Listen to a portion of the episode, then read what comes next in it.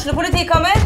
Ine Jansen er purk. Er du purk? The motherfucking bitch. Alt jeg vil, er å finne ut hva som skjedde med mannen min. Jon Carew. Er jeg sikta for noe? Iben Akeli. Det er du. Ole So, Lars Berrum og Big Daddy Karsten. Hvem sin side er du på, egentlig? Anette Hoff, Tone Danielsen, Kommer du fra Afrika? Jørnis Josef, Nesten. Kløfta. Trond Espen Seim, Det er synd å si det, men det var feil mann som døde. Purk. Premiere tirsdag på TV2 Play.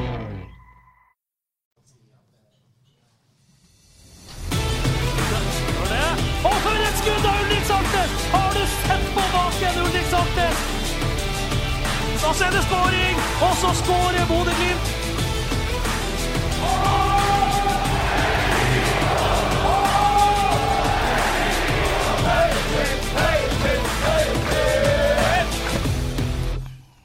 Ja, velkommen til Sportsbaren i Bodø. Det er klart for en ny utgave av Studio Glimt-podden. Det er én dag til Bodø-Glimt skal spille mot Sepsi Osk på Aspmyra og avgjøre om de helgule kommer seg til et nytt gruppespill i Conference League. Temaet i dag skal selvfølgelig være morgendagens kamp på Aspmyra. Vi skal også snakke om Bodø-Glimts to Kjøp. De har vært på røvertokt hos naboklubben Junkeren og henta to forsterkninger. Det må vi diskutere. Og vi skal jo også, med fare for å ikke jinxe for mye, så er det jo klart at her er mange som eh, lurer på hvor skal vi reise hen i løpet av høsten. Det skal vi diskutere. Eh, Kronjuvelen himself, Magnus Vindenes, har en del reisetips i eh, skattkista si. Og helt til slutt skal verden få lov å bli enda litt bedre kjent med den gærningen som sitter med min høyre side. Han heter Lars Jensen. I panelet i dag Stein Sneve fra Avisa Nordland, Kronjuvelen, Magnus Vindenes og Lars Jensen. Og for et skudd av Ulrik Saltnes! Har du sett på baken, Ulrik Saltnes? Ja, og jeg heter Freddy Thoresen, og eh, første spørsmål går faktisk til deg, Stein Sneve. Du eh, kan jo alt om Transilvania og Romania og Sepsi Osk og alt som vi andre her, vanlige dødelige, ikke vet noen ting som helst om. Hvilke forventninger har du til det som skal skje på Aspmyra i morgen? Jeg har uh, veldig gode, gode forventninger. Jeg har en god magefølelse. På den annen side så hadde jeg det også før kampen mot Tromsø, så, så det skal dere ikke legge altfor mye vekt på. Uh, nei, uh, jeg syns jo at Glimt var klart bedre enn Sepsi. Eh, så klarer de jo selvfølgelig å gjøre det de har gjort litt for ofte i år. To litt sånne hjerneblødninger i forsvaret, og så blir det to straffer. Så jeg tror Glimt skal være på hjemmebane med kunstgress omtrent like suveren som de har vært i de to første kampene. Så en sånn 3-0-seier er det jeg forventer meg. Oi, optimisme der. Kronjuel Kronjuvel Vindenes, eh, har du, eh, er du like sterk i trua som Stein Sneve? Ja, Nå når han er så sikker, så, så blir jeg over. det.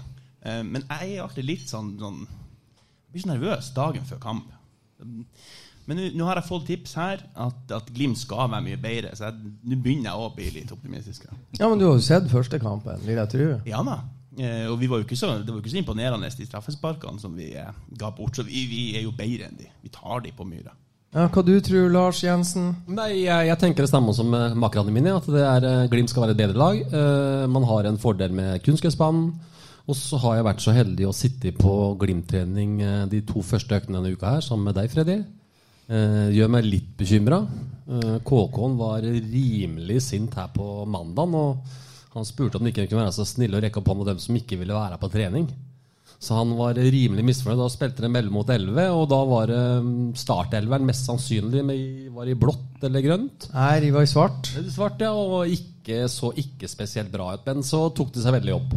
Ja, for du, du avslører jo et par småting her. Vi har vært og sett på trening, og det, det som er arbeidsoppgavene, det er defensiv organisering. Og eh, svart lag skal da mure igjen for eh, gult lag, som jo består av de som mest sannsynlig ikke får altfor mye spilletid.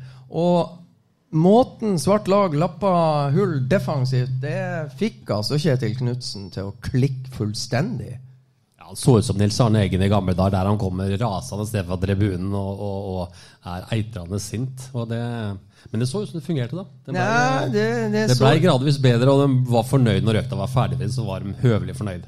Ja, men så la du merke til fasen. Første fase, så klikka han. Hvis det Rekk opp handa di, som du sa. Rekk opp handa de som ikke har lyst til å være med. Bare gi beskjed nå. Det var jo ingen som eh, Det er jo ikke kødd. Det er ikke overdrevet engang. Nei, Vi satt forhåpentligvis på tribunen og håpa noen skulle gå hjem så vi kunne få spille, men så langt gikk det ikke. Nei, og så Hva skjedde i de to-tre neste angrepene? La du merke til det? Nei, det, Det er ble derfor du enda sitter verre. Nei, jeg kan jo ikke, kan jo ikke motstå deg, Fred. Det er vel ingen som ser mer trening enn deg og kan mer fotball enn deg, så det er jo dumt av meg å si mot deg. Jo, og da angrep han eh, samme problemstilling på en litt annen metode. Hva gjorde han da? Uh, Korttidsminnene, da må du hjelpe meg, Freddy. Nei, da gikk han inn Ja, gikk litt han, ja. roligere Ja. og fikk i gang en liten diskusjon i gruppa. Og så avslutta han med å samle kapteinstrioen, var det ikke det? Ja. Av treninga. Ja. Og tok en lang prat. Ble dere beroliga nå, Stein Sneve? Ja da. Nei, altså, for å være litt, litt mer alvorlig. Det er klart, eh, forutsetninga for at jeg skal få rett, og vi skal få rett, er at Glimt klarer å gjøre det samme som de gjorde etter de to drittkampene mot Viking og mot Tromsø. Nemlig gå litt i seg sjøl, ta opp ikke minst det som syns å være et gjennomgående forsvarsproblem innimellom, så gjør de utrolig rare ting og virker ikke helt på stasjon. Eh, Så jeg forutsetter jo at man tar den prosessen og klarer å gjennomføre det på samme måten. Da skal Glimt vinne. Men det er klart, gjør de ikke det, så, så kan alt skje. Eh, Men jeg har stor nok tiltro til både Kjetil Knutsen og denne spillergruppa det, det tror jeg de klarer. Og da er de skjerpa i morgen, og da skal, da skal de vinne. Eh, Magnus Vindenes, jeg trekker litt sånn paralleller. Etter 2-2 i Romania så, så eh, vandrer hodet mitt tilbake til Jeg var sjøl i Vilnius og så Bodø-Glimt spille 2-2 mot Salgiris, og jeg var egentlig steike godt fornøyd med resultatet, selv om det var ei sur utligning etter 93 minutter. En eller annen svær midtstopper på defensiv dølball idet jeg sto ved et cornerflagg og skulle ta seiersintervju. ikke sant? To herlige skåringer av Ulrik Saltnes. Men jeg forventa jo at uh, Bodø-Glimt skulle på en måte smadre Salgiris uka etterpå hjemme i Bodø. Jeg måtte vente. Vi passerte 65 minutter, vi passerte 66 og 67 og 68. Så kom Ola Solbakken med den her forløsende skåringa. Får du litt den der Vi måtte vente lenge, altså. Ja, og det er jo ikke noe særlig å sitte og vente så jævla lenge. Du vil jo heller da at Glimt skal lede 3-0 etter 20 minutter. Da kan du jo slippe med skuldrene. Ja, Er ikke det mye artigere? Jo visst. Sånn som på Konsto Arena da gullet ble sikra i 2021. Det er befriende. Det er befriende, for da vet du jo at seieren er i boks etter fem minutter. Ja, da slipper du å gå rundt og stresse og være livredd. altså Du er ikke sånn som vil ha litt spenning og tynes litt. Du vil Nei. Jeg kan godt ha, jeg kan ha spenning, og jeg kan ha eh, kamper som drar litt ut. Der glimt, når Glimt ikke er involvert. Altså Når det er Glimt-kamp, så tar jeg at spenninga er drept og død med en gang. Det går fint. Ja.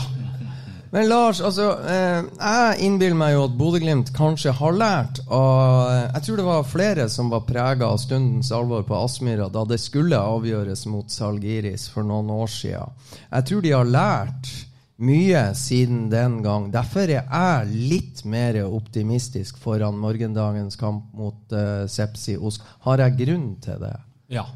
Uh, og jeg tror det er en grunn til at han, eh, Kjetil har en sånn wake-up call ganske tidlig i uka.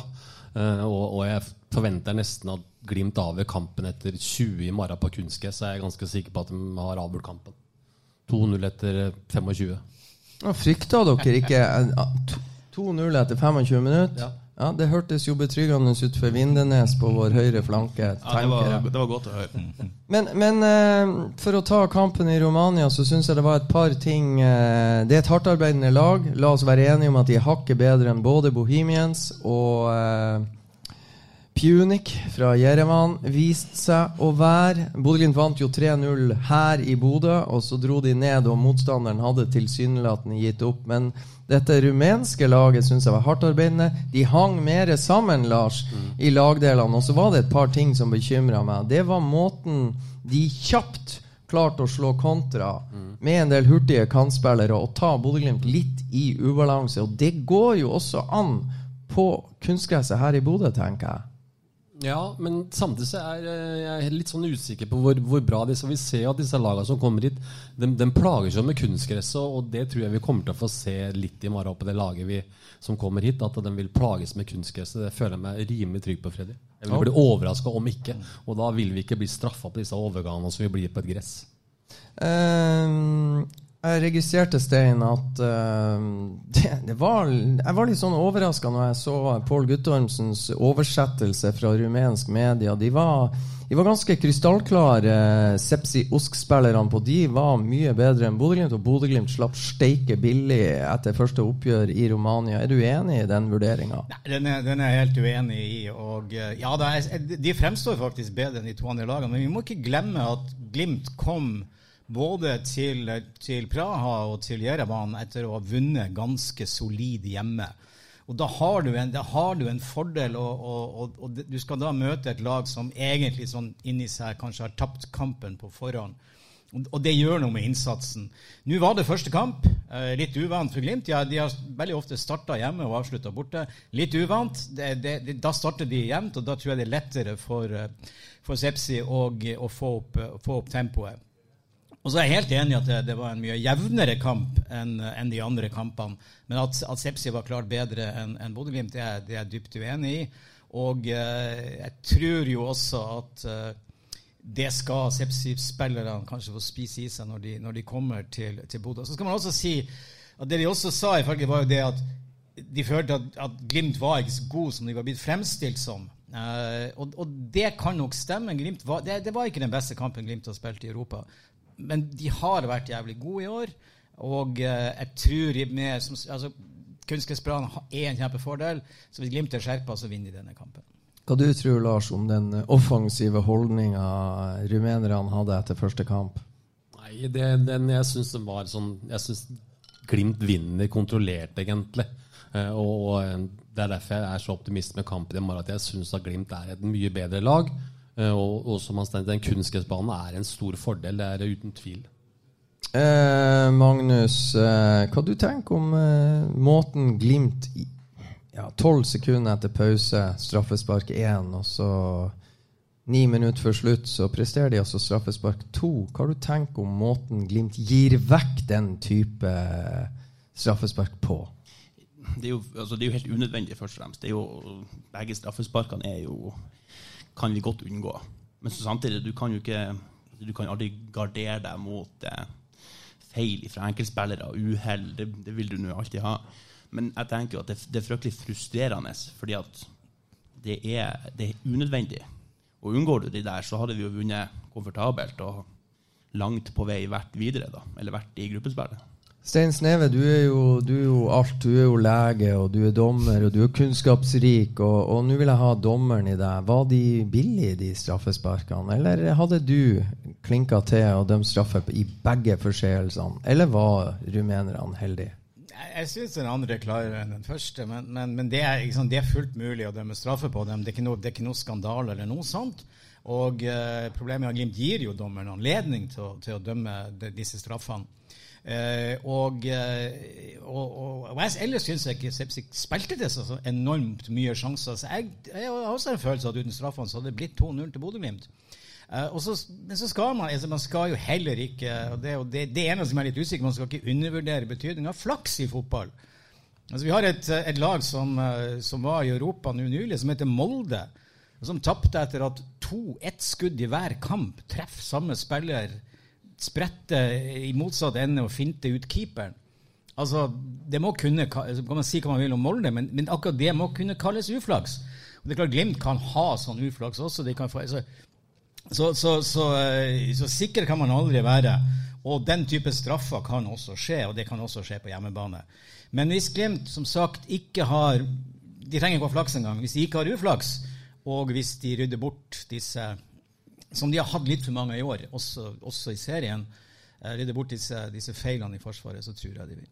Jeg har snakka med et par av ja, de høyt på strå i trenerapparatet i Bodø-Glimt, og de var veldig klar over at de fikk to straffespark idømt mot seg på den banen der, og så hadde de krystallkontroll på at uh, rumenerne fikk også to straffespark av det billige sorten uh, hjemme mot CSKA Sofia tidligere i år, og de, de mener at det hm, neppe tilfeldig. Men nok om det. Jeg bryter ut av manuset, for jeg skal ta deg på et par av disse baklengsmålene eh, som Molde har opplevd. For vi har jo en felles god venn som heter Terje Berg, og nå skal folket her i, på Sportsbaren også få tenke litt. Og resten av panelet skal få svar. For det, for det er en interessant observasjon fra visekunstner Terje Berg. Han spør meg i går kveld, i det sekundet dommerne har blåst Hei, hvis du ser fotball i kveld Nå har Molde sluppet inn sitt andre unødvendige frisparkmål i dobbeltoppgjøret mot tyrkerne. Mitt spørsmål er det bedre å la være å stille mur i lignende situasjoner? 25 meters hold, skrå vinkel. Molde-muren har skåret to av målene til Galatasaray. Hva tenker du om Terje Berg sine tanker her, Stein? Jo, jeg tenker at det er helt naturlig å, å, å stille de, uh, de, spørsmålene. Men uh, det, det, er ikke så ve Det er veldig sjelden at det der skjer. Uh, og det er klart at det å gi... Ikke for Molde? Nei, det er åpenbart ikke. Og det, vidt, det, det er blir ikke så veldig lei meg av den grunn, for å si det sånn. Jeg begynner ikke å gråte fordi at Molde har litt uflaks. Snarere tvert imot. Men, men det, det, skjer relativt sjelden. Og det er klart at det å ikke ha mur i det hele tatt altså 20 Altså, par, ja, da, ja. et, et, par av de målene som, uh, som, Glimt har sluppet inn i det siste, hvor, både mot Viking og Sandefjord, hvor spillerne får stå mutters alene på, på, på, på, 18 meter og dunke til ballen i, i krysset, tilsier vel at det er kanskje bedre å, å, sette opp en mål og drive med press mot den som skal skyte, og, gjør, gjøre det vanskeligere enn å la vedkommende fritt få sikte seg inn ja, eh, Vindenes, skal du tenke om uh, Terje Berg sin uh, analyse? Drit i å stille mul, i hvert fall i de her skrå frispark fra skrått hold, før muren til Molde har altså sendt Galatasaray til Champions League. Ja, det syns jeg er helt nydelig. Ja. men det er sikkert fotballfaglige folk som kan murteori bedre enn jeg kan. Men jeg er jo fan av Jeg trodde du var jævla god på murteorier! Nei, jeg kan, jeg kan mur, men ikke fotballmur. Kjenner du noen murere? Nei. Ja, jo da, jeg gjør det. Men jeg, jeg, jeg, er veldig fan av de, de murene hvor det kommer en fyr og legger seg. Okay. Ja, det, det, det liker jeg. Det er jeg fan av.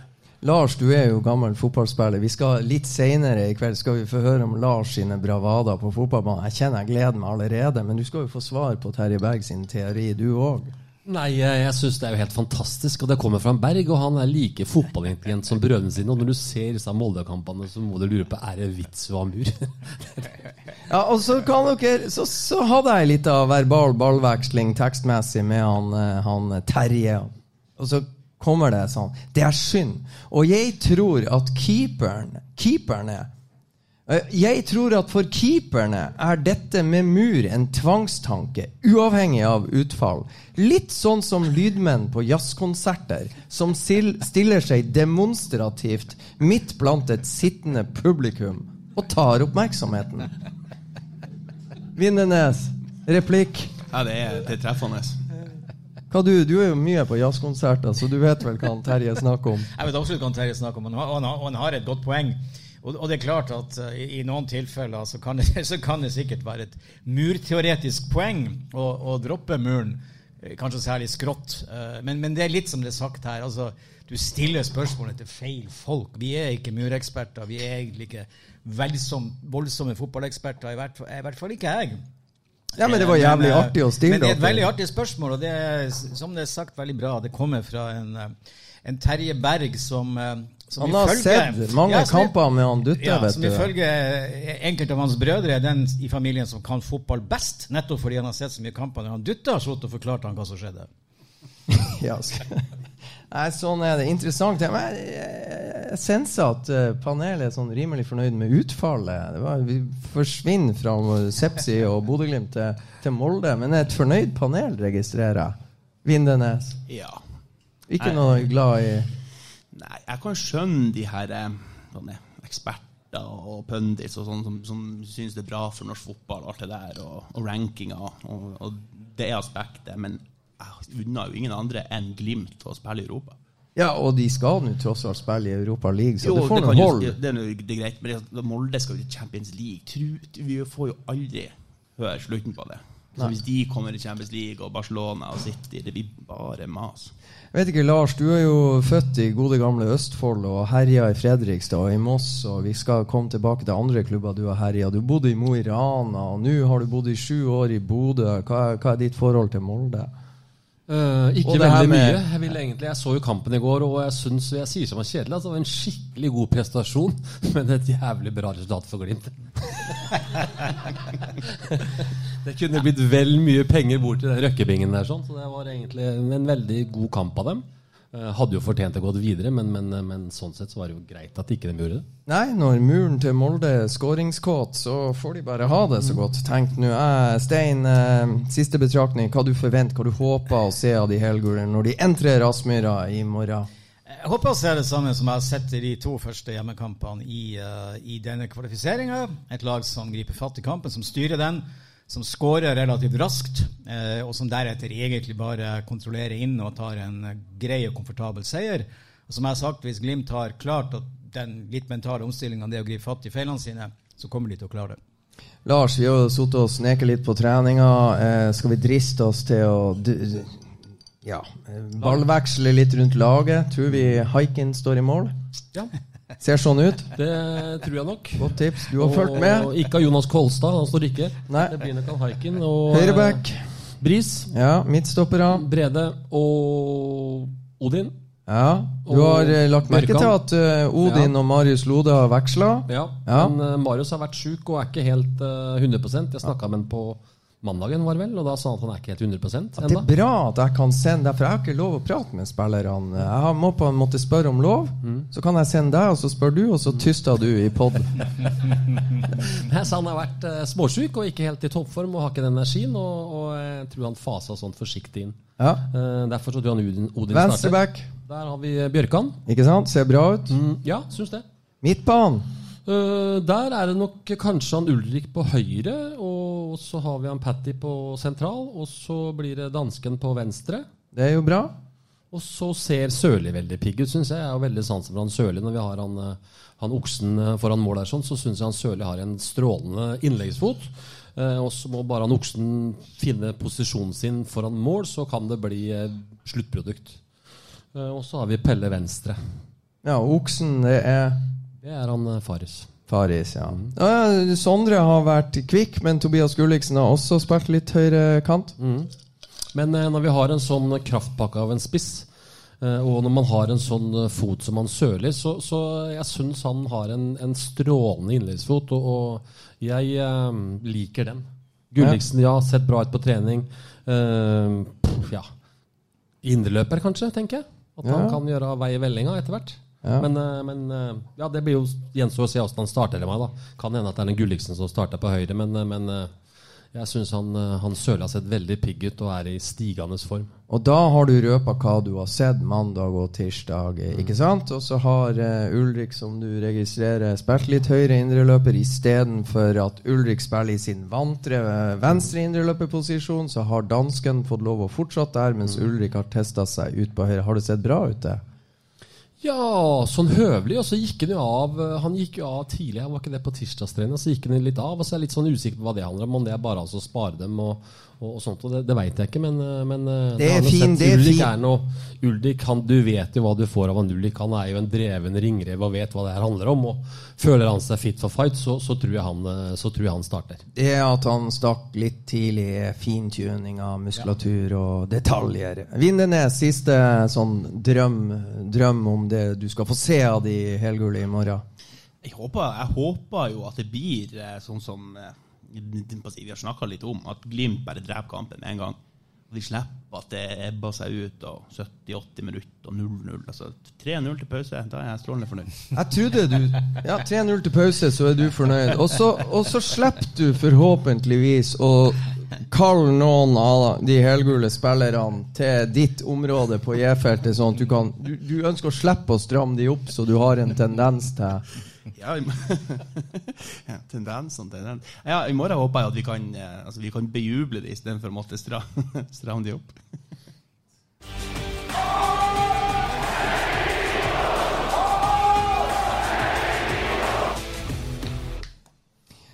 Ja, Stein. eh, Bodø-Glimt har jo vært eh, Overgangsvinduet er fortsatt åpent. Og Kjetil Knutsen proklamerte vel eh, i Avisa Nordland etter trening i dag at de skal ikke hente flere inn. Og de to siste de henta inn, det er en eh, midtstopper fra Vævelstad som heter Stian Kristiansen. Og det er en midtspiss fra Hattfjelldal som heter Oskar Kappskarmo. Hva tenker du, Lars Jensen, om Bodø-Glimt som er på røvertokt hos Junkeren og henter nordlendinger? Eh, Det tenker jeg er helt fantastisk egentlig for Bodø-fotballen og distriktet. At, at eh, det kommer to fra Junkeren. Veldig spent på hvordan de de skal eh, gjøre det i Glimt. Men, men, men absolutt. det her syns jeg var godt å se, egentlig. At Junkeren kan produsere, og at Glimt kan hente. Eh, og så håper jeg de eh, slår til. La dem få litt tid på seg. Det er jo selvfølgelig et veldig stort sprang fra andredivisjon til, eh, til topplaget i Tippeligaen. Men, men jeg syns det er veldig, veldig positivt. Og, og ikke minst for distriktet og for økonomien og for alt. Og, de syv år jeg har vært i Bodø, så har jeg følt litt det at hvis man sp- går til Junkeren, så er man avskilta som fotballspiller. Og nå, nå syns jeg liksom er det. Jeg synes det er helt fantastisk, egentlig. Ja, hva det sier om eh, Det kom jo for noen år siden en, eh, en midtstopper fra Brønnøysund som heter Isak Helstad Amundsen, og ringer til Jan Erik Bjerk, daværende trener på B-laget til Bodø-Glimt, og sier hei, jeg heter Isak, jeg har flytta til Bodø og skal studere, jeg kommer fra Brønnøysund, kan jeg få lov å komme og trene med dere? Dette er jo en Isak Helstad Amundsen som aldri har vært innom et kretslag eller noe som helst.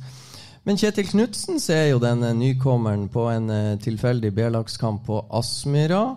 Ser han da på midtbanen, ber B-lagstrenerne om å teste han ut som midtstopper. Det her er jo på en høst, da, ikke sant? Og eh, neste sesongoppkjøring så har denne midtstopperen fra Brønnøysund, som ingen har oppdaga, spilt seg inn i en tropp til Bodø-Glimt. Hva, hva de sier om det de holder på med på Helgeland, egentlig?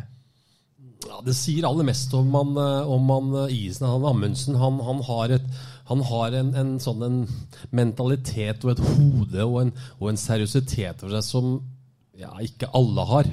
Uh, nå kjenner jeg dem to med Junker-guttene. De har jo hatt på kretslaget. Sånn at det er jo også Ja, de var jo faktisk på kretslag, noe Isak ikke var. Ja. Eh, og, og, men han Isak han har en rå mentalitet og, og, og jobba seriøst. Du så han jo på bankgata seint og tidlig, trente på det han tenkte å bli god på. Så det er ikke noe sånn, det er jo ikke noe hokus pokus skal du bli god i fotball. Ja, du må ha et talent, men, men du må ha et treningstalent. Det er jo det som tar deg hele veien, og der er han Amundsen helt fantastisk og en, en sympatisk, flott fyr. Du, Fortell om Kristiansen og Kappskarmo. Hvordan var de da du hadde dem på kretslag i, for noen år siden? De var, eh, de var eh, ivrige, eh, sånn som jeg husker dem. De hadde gode ferdigheter. De kom jo fra, fra ja, små plasser og, og har generelt gode holdninger med seg. Så jeg er veldig veldig spent på hvordan de skal ta utvikling i Glimt. Hva du tenker Magnus? Fordi at uh, Stian Kristiansen er 24 år. Uh, tar turen fra Mosjøen og Helgeland til Junkeren for noen år siden. Og uh, Oskar Kappskarmo, samme fra Hattfjelldal, tar turen fra Mosjøen til Junkeren. Nå har de signert for Bodø-Glimt, men dette er jo gutter som underveis i covid-perioden, som noen av oss kanskje husker fortsatt, det føles veldig lenge siden. Men i en alder av 24 år og 23 år, etter en covid-periode hvor de egentlig ikke hadde, fikk lov å trene Bodø-Glimt-spillerne, eliteseriespillerne, fikk lov å trene. Og nå, allikevel, etter covid, uten å få lov å trene med lagkompisene sine, for de var ikke proffer, de var ikke toppfotball, ikke sant, så allikevel bryter igjennom. Hva du tenker Jeg syns jo det, det er jo jævla rått. Og så er det, det er veldig spennende, for det blir jo det blir utrolig artig å se eh, hvordan de blir å fungere i Glimt. Altså, det er jo et, et sprang fra andre til Eliteserien, toppen av Eliteserien, og et lag som er ute og kjemper i Europa. Eh, så, eh, jeg vil jo tro at det tar nå sikkert litt tid. Du ser jo si, andre eliteseriespillere som kommer til Glimt. De trenger jo litt tid for å akklimatisere seg til treningshverdagen og, og intensiteten seg i Glimt. Så jeg vil jo bare anta at å komme fra Junkeren uten å, uten å si noe stygt om Junkeren, så vil jeg tro at det er jo sikkert et større steg. Eh, så jeg er veldig spent, og jeg syns det er ganske spennende. Det er jo litt stilig at vi, at vi kan hente nordlendinger til Glimt fra Junkeren. Jeg er jo veldig fan av å ha litt, eh, ja, litt nordnorske spillere. Ja, hva du tenker Stein? Vi har nå eh, i Bodø-Glimt eh, fire helgelendinger, hvis jeg tar med Isak Helstad Amundsen. De to nye, Isak Helstad Amundsen og Ulrik Saltnes, ikke sant? to fra Brønnøysund, får nå eh, eh, to nye fra Vevelstad og Hattfjelldal. Og så har vi vel, hvis ikke jeg tar feil, fire bodøværinger. Eh, hva du tenker om betydninga i sånt, at det, at det blir folk fra Nordland fylke? Nå er det åtte. Bodø-Glimt har jo fått litt kritikk fra medier sørpå at de driver og henter spillere som Omar El Abdelaue og Marius Lode og hvor de nå ikke kommer ifra. ikke sant? Hva du tenker om det her? Primært så syns jeg jo det er bra fordi dette er gode spillere. Altså det, det, er tross alt det viktigste. Uh, jeg håper og tror at det er derfor Glimt har henta de to spillerne fra Junkeren. Og de som har kommet, og som er lokale, de har jo vist seg å være kjempegode spillere. Og så er det en ekstra bonus selvfølgelig at de er lokale spillere. Og Det er jo ikke bare fra Oslo og media der denne kritikken har kommet. Det er jo ikke minst kommet fra de idiotene oppe i Nordens Murmansk som driver og liksom maser om at de tar jo frem så mange lokale spillere, og Glimt kjøper bare Det er jo Troms har jo faen meg henta halve laget sitt fra, fra Oslo-fotball nå i år. Sånn at uh, det her er jo Og så rakna det da bodøværingen ja. forsvant. Ja, ikke sant? Så rakna det da den ene bodøværingen forsvant. Og det er jo helt fantastisk. Nei, det, det her er en finger i øyet på dem, og det er en finger i alle som er kritisk mot at Bodø-Glimt bare har og kjøpt seg til suksess osv. Så, videre. så jeg håper, altså, de to som nå kommer fra Junkeren, er jo ikke tenkt inn på førstelaget i første omgang. Men jeg går ut fra at de er tenkt inn på laget etter hvert. Det vil jo si at de vurderes som å være god nok for å spille på Bodø-Glimt. Og der, Det stoler jeg faktisk på at Kjetil Knutsen og de andre har oversikt over. Og Da er det en styrke av laget, og da er det en styrke av den lokale identiteten. Uh, som uh, skal vi stort sett ikke bry oss noe om kritikk som kommer fra Tromsø, men allikevel, det er et svar på tiltale, og det viser at Glimt også er i stand til å utvikle lokalt talent, og ingenting er bedre. Og gi sjansen til lokalt talent i en alder av 24 år og 23 år, og gi dem muligheten i en helt annen treningshverdag enn de noensinne har hatt? Absolutt. Det er, det er veldig positivt. Og så er det noe med, med tror jeg, at det hadde vært veldig bra for Bodø-fotballen hvis, hvis Junkeren kunne utvikles til et slags farmelag, eller et lag der eh, talentfulle spillere eh, som ikke helt når opp i Glimt-kvalitet, kan komme til Bodø og få spille for Junkeren som, er, som, som spiller på et, på et, og er bedre å spille på et høyere nivå enn B-laget til Glimt. Og som dermed kan få, få, få, erfaring og spille seg god, og så gå over til Glimt. Det vil være en veldig positiv utvikling for hele Bodø-fotballen, og ikke minst for Glimt. Jeg bare henge meg på. Det, det, det, det eneste jeg tenker er, sånn, det er veldig sånn sentralt. Og, og, du sier du sier meg tre, i en alder av 3-24. Det, det, er ikke noe alder i dag. Det er, det er en, en, veldig fin fotballalder, egentlig. Og de har spilt på en god arena. Eh, vært med på å rykke opp med Junkeren. De har, de har, vært med på en reise som har vært positiv. Og så får de komme til Glimt i den alderen de er. Jeg tenker det er, det er en kjempefin alder å komme i, Freddy. Ja, altså, Jeg syns jo Oskar Kappskarmo, bare for å ta litt sånn fotballfag her Han er 23 år. Han er 1,92 høy. Han er et sånn fysisk beist. Han er mye raskere enn han ser ut som. Du blir litt lurt av høyden. Han er rask, og han er sterk, og han er god. For noen år siden så eh, oppdaga jeg en som heter Tobias Lauritzen i Porsche bøtta inn 30 mål. Det er jo en grunn til Jeg har jo spilt i Porsche sjøl, så jeg, jeg, følger jo med i lokalavisene. Og så ser jeg en luring som bøtter inn mål som jeg aldri har hørt om. Jeg ringer Jan Halvor Halvorsen. Du, har du trua på han dekkeren? Er 20-21 år. Jo, han hadde det. Han er verd Altså, det er noe med fysikken hans. Like høy, ikke sant? Han har noe spennende ved seg. Så går det en stund, så blir han henta til Odd. Så breaker han i Eliteserien. Så får han et horribelt beinbrudd i duell med en Ålesund-keeper, som selvfølgelig har vært i Tromsø tidligere.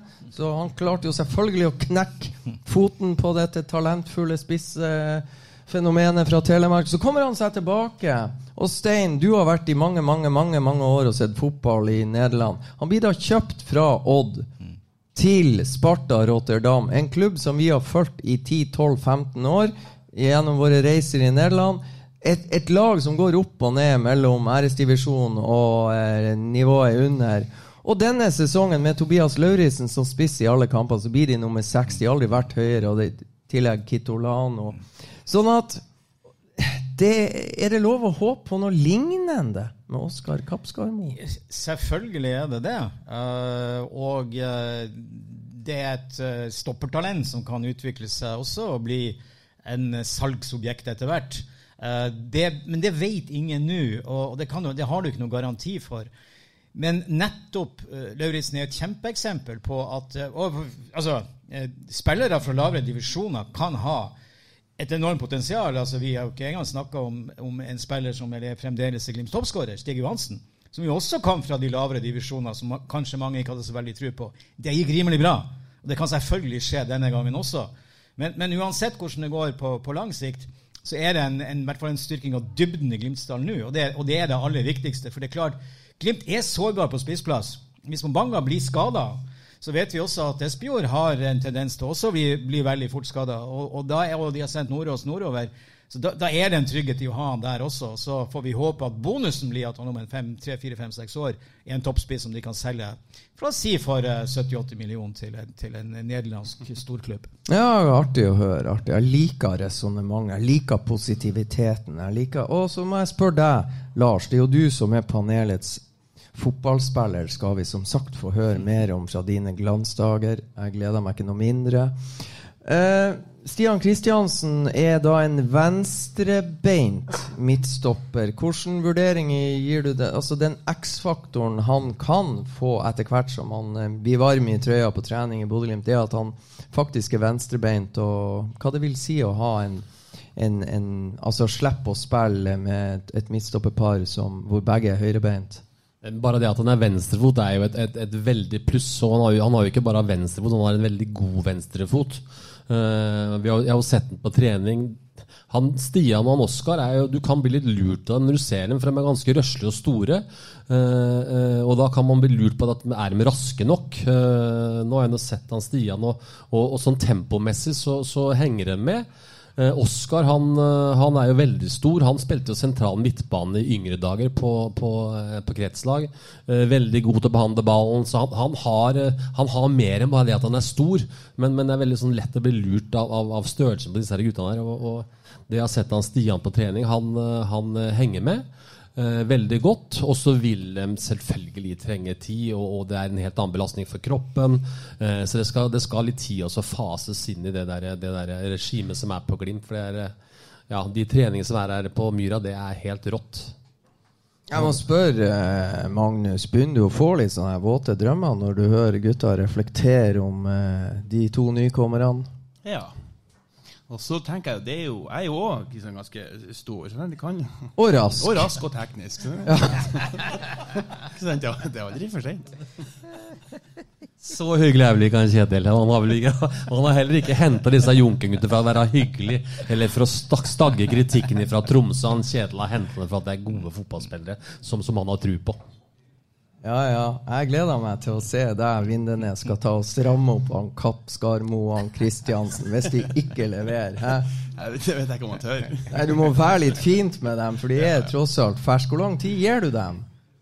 Jeg syns det er veldig vanskelig å si. Altså, de, de er jo kanskje ikke så, så unge, altså 3-24 år. Men man sier det er jo en fin fotballalder. Men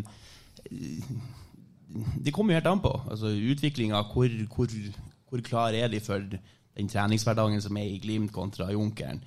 Men jeg håper jo at vi får se de i en eller annen kamp så fort som mulig, altså når de er klare. Jeg er jo, jeg er jo fan av å få se nysigneringer, se de spille, få de inn i, i klubben.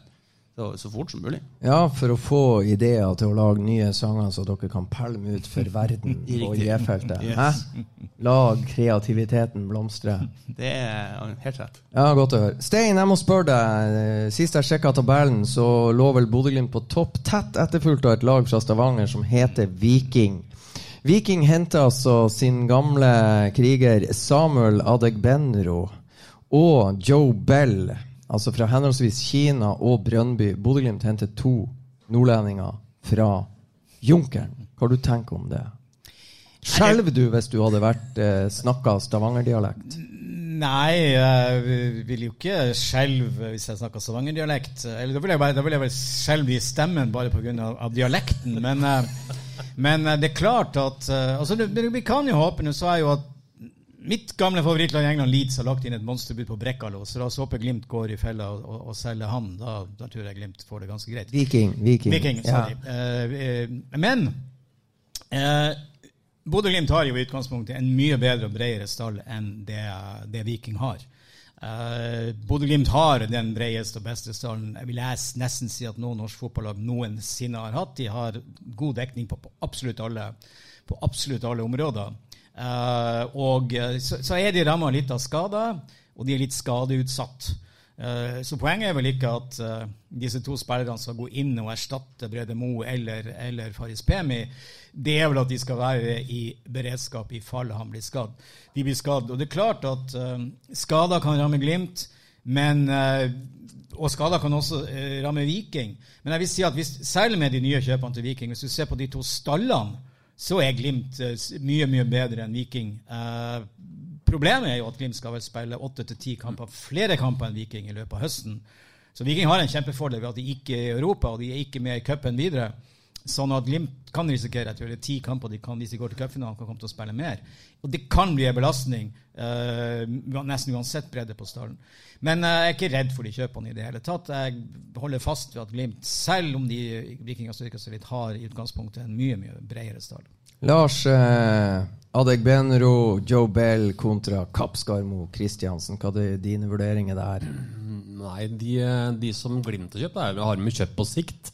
Og så tror jeg Glimt er veldig trygge på den stallen de har ifra, ifra før. Og den er som Stein sier, den er både brei og god, og, og, det er Norges desidert beste stall. Sånn at, at um, de som er kjøpt inn, de er, de er, tenkt på på sikt. Jeg tror ikke det er på kort sikt at de skal inn og, og, og gjøre vei i vellinga, men, men, på sikt så er, er, er de tiltenkt å, å, spille.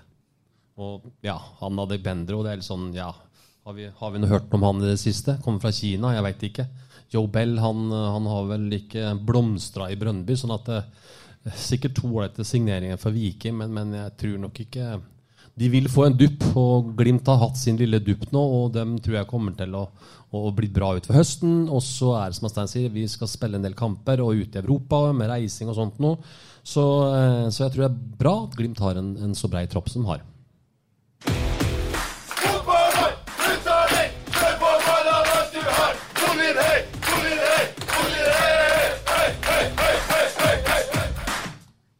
Ja, Jonas Kolstad har jo vært og oversatt teksten her tidligere i en podkast. Jeg tør ikke å gjenta. Men eh, med fare for jingsing, eh, kronjuvel, Vindenes um, Hvor skal vi reise hen? Altså Hvis finalen i morgen vinner eller forsvinner, så Ulrik Saltnes drister seg til å si eh, hvordan, hvordan angripe en sånn som deg morgendagen? Klokka åtte hvis Bodø-Glimt har uh, kommet seg til et nytt gruppespill i Conference League? Ja, altså Klokka åtte så er, da er jeg sikkert her. Men eh, sånn, på fredag, da, klokka to, når jeg har kommet meg til hektene igjen, og, og trekninga er overstått, så er det jo det er da egentlig jobben begynner. Ok, fortell. Fordi vi må jo finne ut hvor skal vi reise? Da har vi jo i hvert fall fått noen destinasjoner. Mm -hmm. kan jo ta noen dager for at Uefa får spikra datoen, da. men da vet du i hvert fall hvor du skal hen. Eh, da må man jo begynne. ikke sant? Du må stake ut kursen. Hvilken rute er den mest hensiktsmessige å, å forfølge? Eh, så, så, det er jo liksom Det er litt logistikk og planlegging. Ja, går det an å tjuvtrene litt sånn i forkant, sånn at du er faktisk litt på gang før trekninga skjer? Ja, altså vi har jo de her foreløpige pottene. Pott 1, 2, 3 og 4. Ikke sant? Hvilke lag som er, er hvor.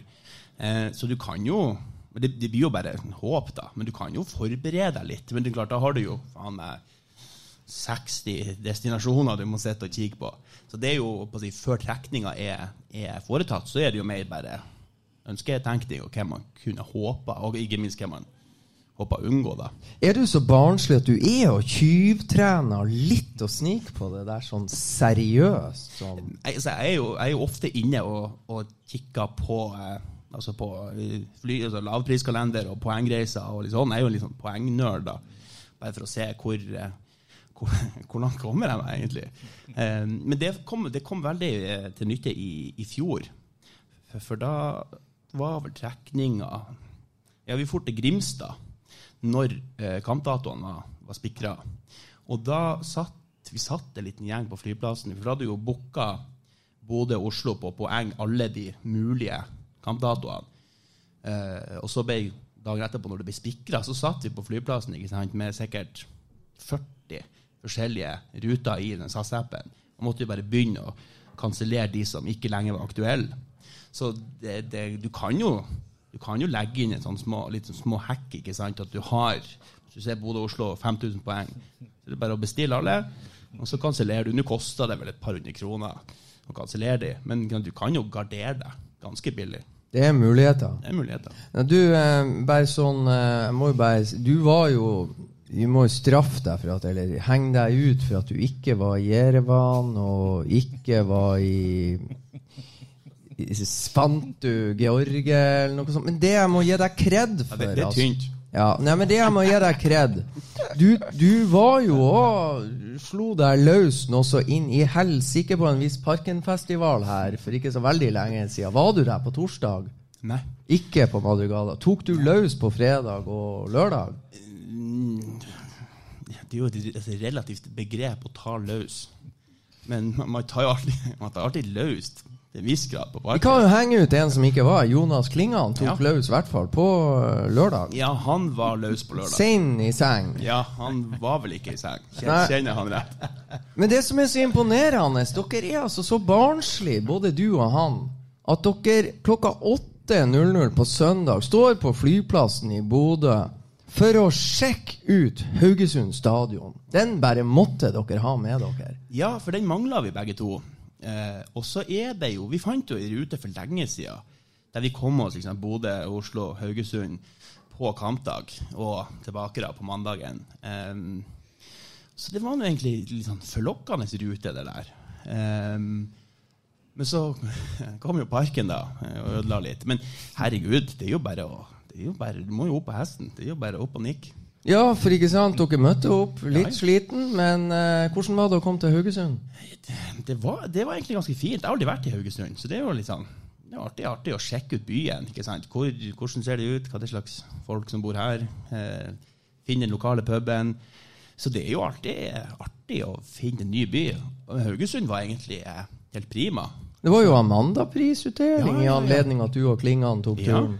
Ja de hadde de, de skal opp. Det var dress, dresskledde herrer og fine kjoler på damene. Og, Rødløpere og ja, det Var dere og sniktesta rødløpere? Nei, men på tur hjem på ja, mandagsmorgenen, må du ha vidt som traff i en eller annen fyr som hadde vært på noe Han var, han var en sånn filmfyr, jeg aner ikke hvem det var. Men han traff vi nå på. eh, Det var ikke noen rød løper, da, men det var nå en hyggelig passiar. Du, men fortell hvor dere eh, Det ble jo tre poeng til Bodø-Glimt og Amahl Pellegrino i storslag, og jeg så du slapp å kjefte på et par av Jeg så at han var og feira til ære for deg rett foran deg. Det var jo hyggelig. Ble du glad da? Ja, det ble jeg glad. Det ble jeg varm i hjertet. Ja. Hvor dere for og feira tre poeng og ny Glimt-seier, og at dere faktisk har besøkt Haugesund for første gang. Vi for på Sportsbaren Haugesund. Ok? Og det er, det er en litt sånn um, merksnodig pub, for det var det er jo, Jeg tror det er stampuben til eh, Haugesund-supporterne. Og der slapp dere inn. Ja da, de var, de var jævla hyggelige. Alle vi møtte. Det var utrolig eh, fine folk. De var, de var ekstremt pratsomme. Vi satt en liten gjeng, vi var kanskje vi var fire-fem Glimt-supportere. Eh, som satt vi fant et bord sånn innerst i hjørnet og skulle se Godset Lillestrøm. Eh, og alle kom jo og skulle prate med oss ikke sant, på og fortelle hvor de gode vi er, og takk for kampen og alt sånt. Men de var jo kun opptatt av at vi måtte drepe Viking. Det var jo det som var det viktige for dem. Vi, Er ikke det deilig å være på bortebane, på borte, på hjemmesupporterne sin pub? Og så er de superhappy med at dere har tatt tre poeng fra sitt eget lag. Fordi at det kan gå utover de de virkelig hater. Ja. Viking. De, og det var For de, de var de var det eneste som betydde noe der, for de skjønner jo de blir jo ikke å vinne serien i år. Så det som betydde noe for de, det var at Viking ikke skulle vinne. Altså det var alle, De poengterte det, og de poengterte det, og det var det, var det viktigste for dem. Og dere satt jo og prata kos og kjenning med spikeren på Haugesund stadion. Ja, han var, han var en, han var en artig kar. For han hadde jo han hadde sånn fast plass der. Vi hadde jo tatt plassen hans, tror jeg. Det var noe, sånn. Men det, det gikk helt fint, det, altså. Og han, eh, han kjente jo alle. Alle kjente han. Så det var jo si, var noen figur, figurer der. Men han, han hadde litt sånn kustus på dem. Så det var eh, litt røverhistorier. Det var veldig sånn, eh, han var veldig opptatt av at, eh, at eh, Haugesund har tapt, det er greit, Glimt er god. Eh, så poengterte han da at det, det som er viktigst for Haugesund i Haugesund, det er jo at Viking ikke vinner serien. Så vi hadde en sånn forbrødring der at det var det er Glimt som må vinne. Er faen meg rørende å høre på, altså, Stein. Men du er jo en barnslig mann som eh, Når jeg er fornøyd og kommer og skal fortelle deg at jeg er sendt på jobbreise til Zürich, så kontrer du med at ja, den turen bestilte jo jeg for ei uke siden. Du er barnslig med litt sånn reisevirksomhet, du òg. Fikk du noen tips hos han Vindenes, eller kan du alle triksene? Jeg kan ikke alle triksene, eh, men jeg kommer nok også til å sitte med SAS-appen eller noe lignende klar når disse, disse datoene faller på plass og prøve å bestille så raskt som mulig. Eh, litt avhengig av hvor det blir. Men eh, en del av disse mulige reisemålene er jo ekstremt fristende. Både fordi du får sett Glimt og får være med i en gjeng som virkelig kan sette sitt preg på en, på en fremmed by, men fordi du også får oppleve andre byer, og fine byer, og litt kunst og kultur, og, og drikke og mat og hyggelige folk og alt det der som du får på sånne turer. Så kombinasjonen er, er uslåelig. Så jo da, hvis det nå ikke skjærer seg helt med reisemål og, og muligheter, så, så er nå planen å komme seg på ja, forhåpentligvis alle tre turene som det nå i første omgang blir, og i hvert fall noen av dem. Men Lars, du har ikke vært på så mange borteturer med Bodø-Glimt. For det tør du syns det er litt skummelt? Mm, ja, det er begynner å bli så gammel, så jeg sliter egentlig med å bestille billett ned til Oslo.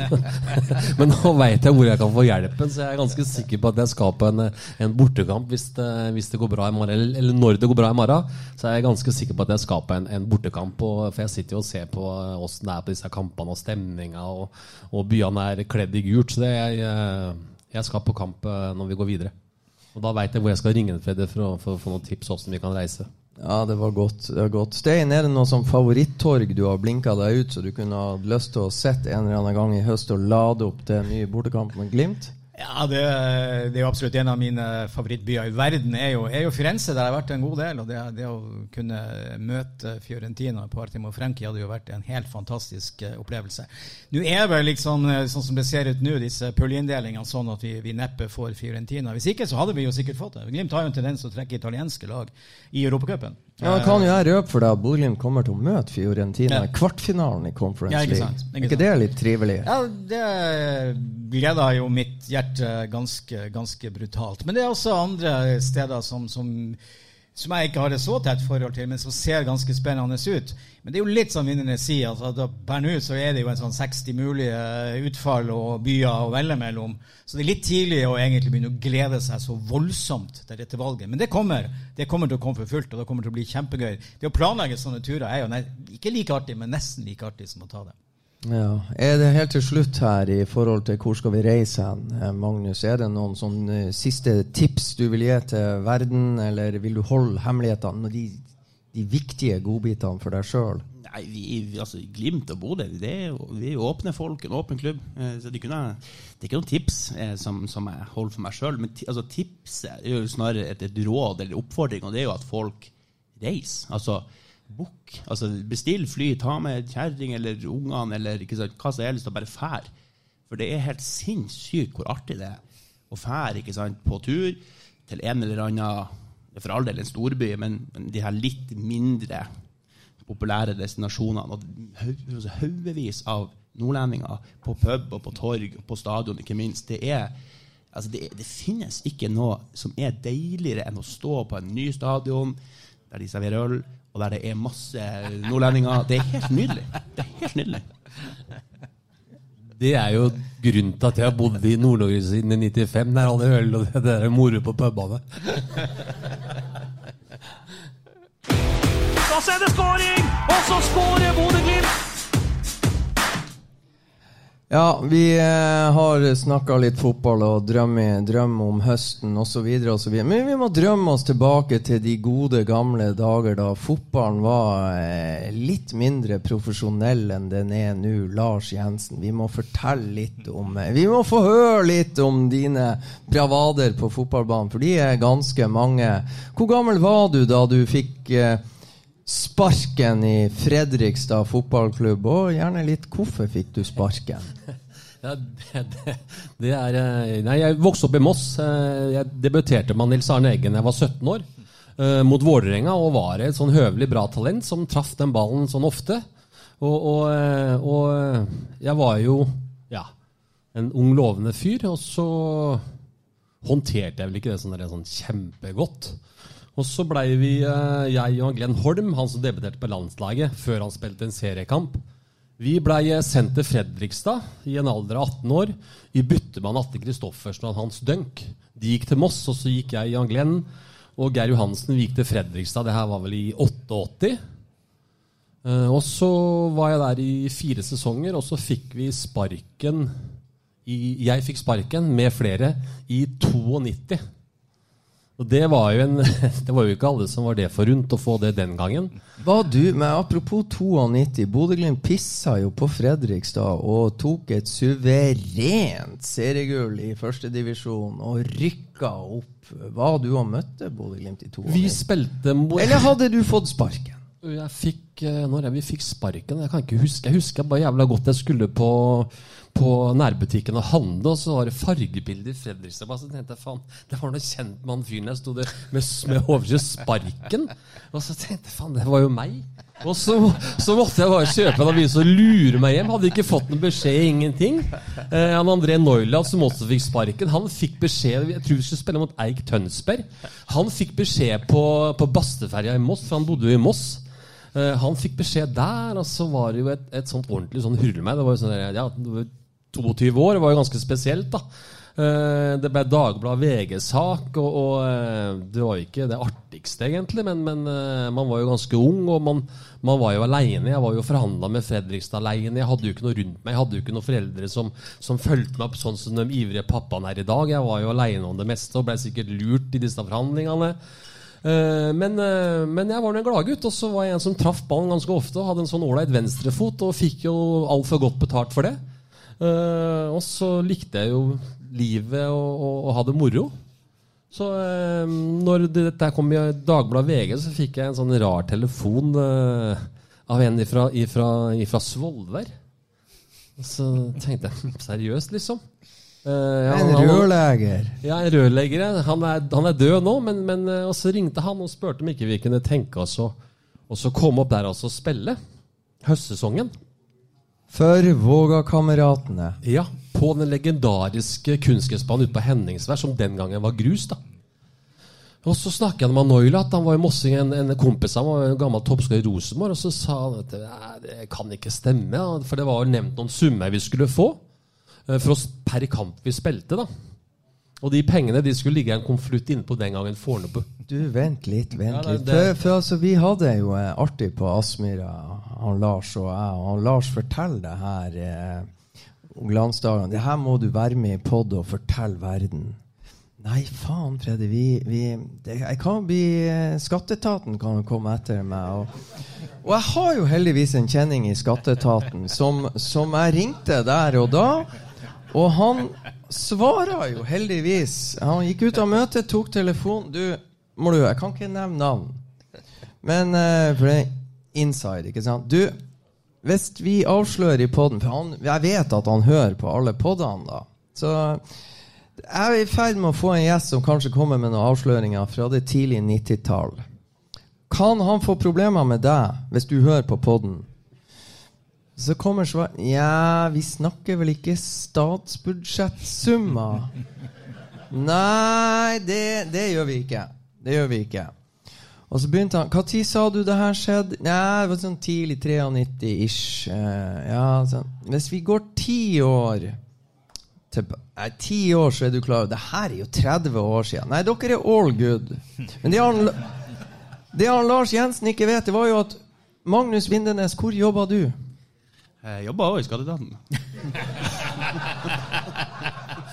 Ok, nei, men da er vi Har, har din kollega gitt oss riktig informasjon? Ja, det, det, det vil jeg anta. Men jeg må jo jeg må gjøre sånn som politikerne gjør. Jeg må jo bare si at det her er jeg ubevisst eh, inhabil. Ok, Lars, nå kan du fortelle om hvordan Hva var det som møtte deg og André Neuvlat når dere kom kjørende til Fornebu og skulle sette kursen nordover? Det var jo, det var jo, ja, det var jo enorme beløp egentlig den gangen vi fikk eh, per kamp. Og, og avtalen var da eh, Jeg må jo si det som da kom i avisen i Mosseavisen. var men, For jeg var jo vokst opp i Moss, og så hadde jeg jo da spilt tidligere med Nils Arne. Og så dro jeg til Fredrikstad, og da jeg fikk sparken der, så var det liksom helt naturlig å spørre at Men Lars, skal ikke du spille for Moss i høstsesongen? Eh, Og da hadde jeg fått det tilbudet som var usannsynlig godt. Og da måtte jeg jo si følgende, da. At nei, jeg, var, jeg hadde takka ja til et, et lag oppe i Svolvær, og det var for at jeg ville se naturen. og jeg visste vel egentlig ikke åssen et grantre så ut. så, så det var liksom det jeg måtte, måtte forklare det valget med. Da. Og så, og så ble vi enige. Og det sto i avisa. Det sto dessverre i avisen at jeg skulle opp og se på naturen. Ja.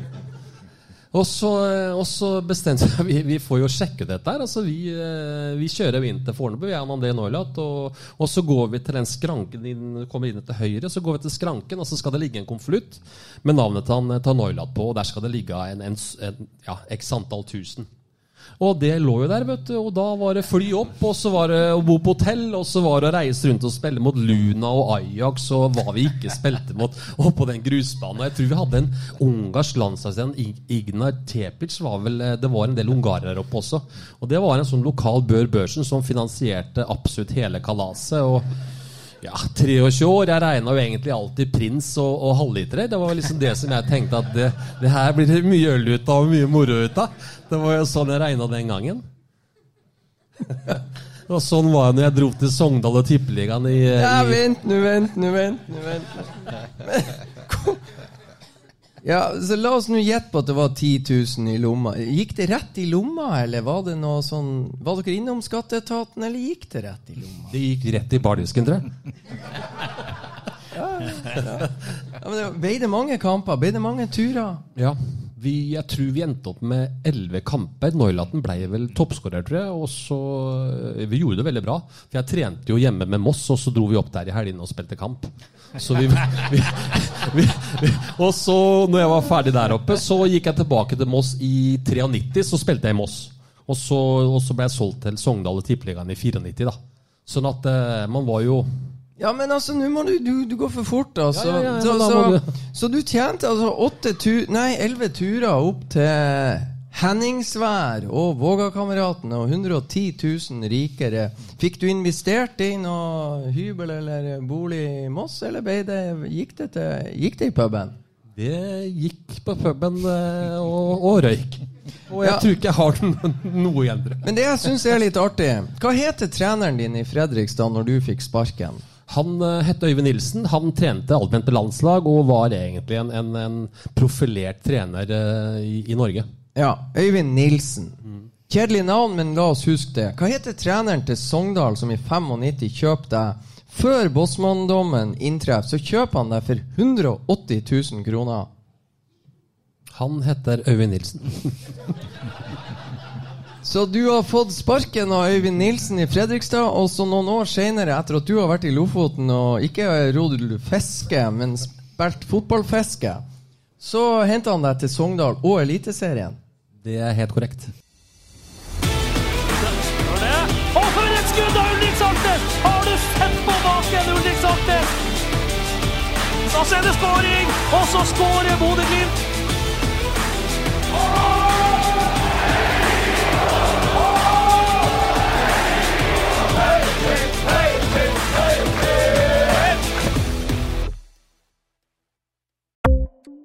Ukens annonsør er HelloFresh. HelloFresh er verdens ledende matkasseleverandør og kan være redningen i en travel hverdag. Mange av oss har nok vandret i butikken både sultne og uten en plan for middagen, som ender med at vi går for de samme kjedelige rettene gang på gang. Middag burde være dagens høydepunkt, Som HelloFresh Hello Fresh kan du nå velge mellom 25 ulike retter hver eneste uke, eller få Hello Fresh til å sette sammen menyen for deg.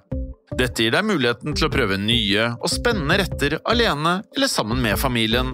Du velger antall porsjoner og får alt levert på døren på et tidspunkt som passer for deg. Oppskriftene er enkle, og maten er lett å lage både for store og for små. Ved å få alt levert hjem får du også mer tid til å dele matgleden med familie og venner. Kanskje det frister med asiatiske tacos eller greskinspirert kylling? Da kan jeg anbefale deg om å gå inn på hellofresh.no. Her kan du bruke koden FOTBALL og få opptil 1779 kroner i rabatt på de første fem matkastene hvis du ikke har prøvd Hello Fresh tidligere. Du kan også bruke rabatten hvis du har vært kunde og stoppet abonnementet ditt for tolv måneder siden eller lengre. Gå inn på hellofresh.no og bruk koden FOTBALL.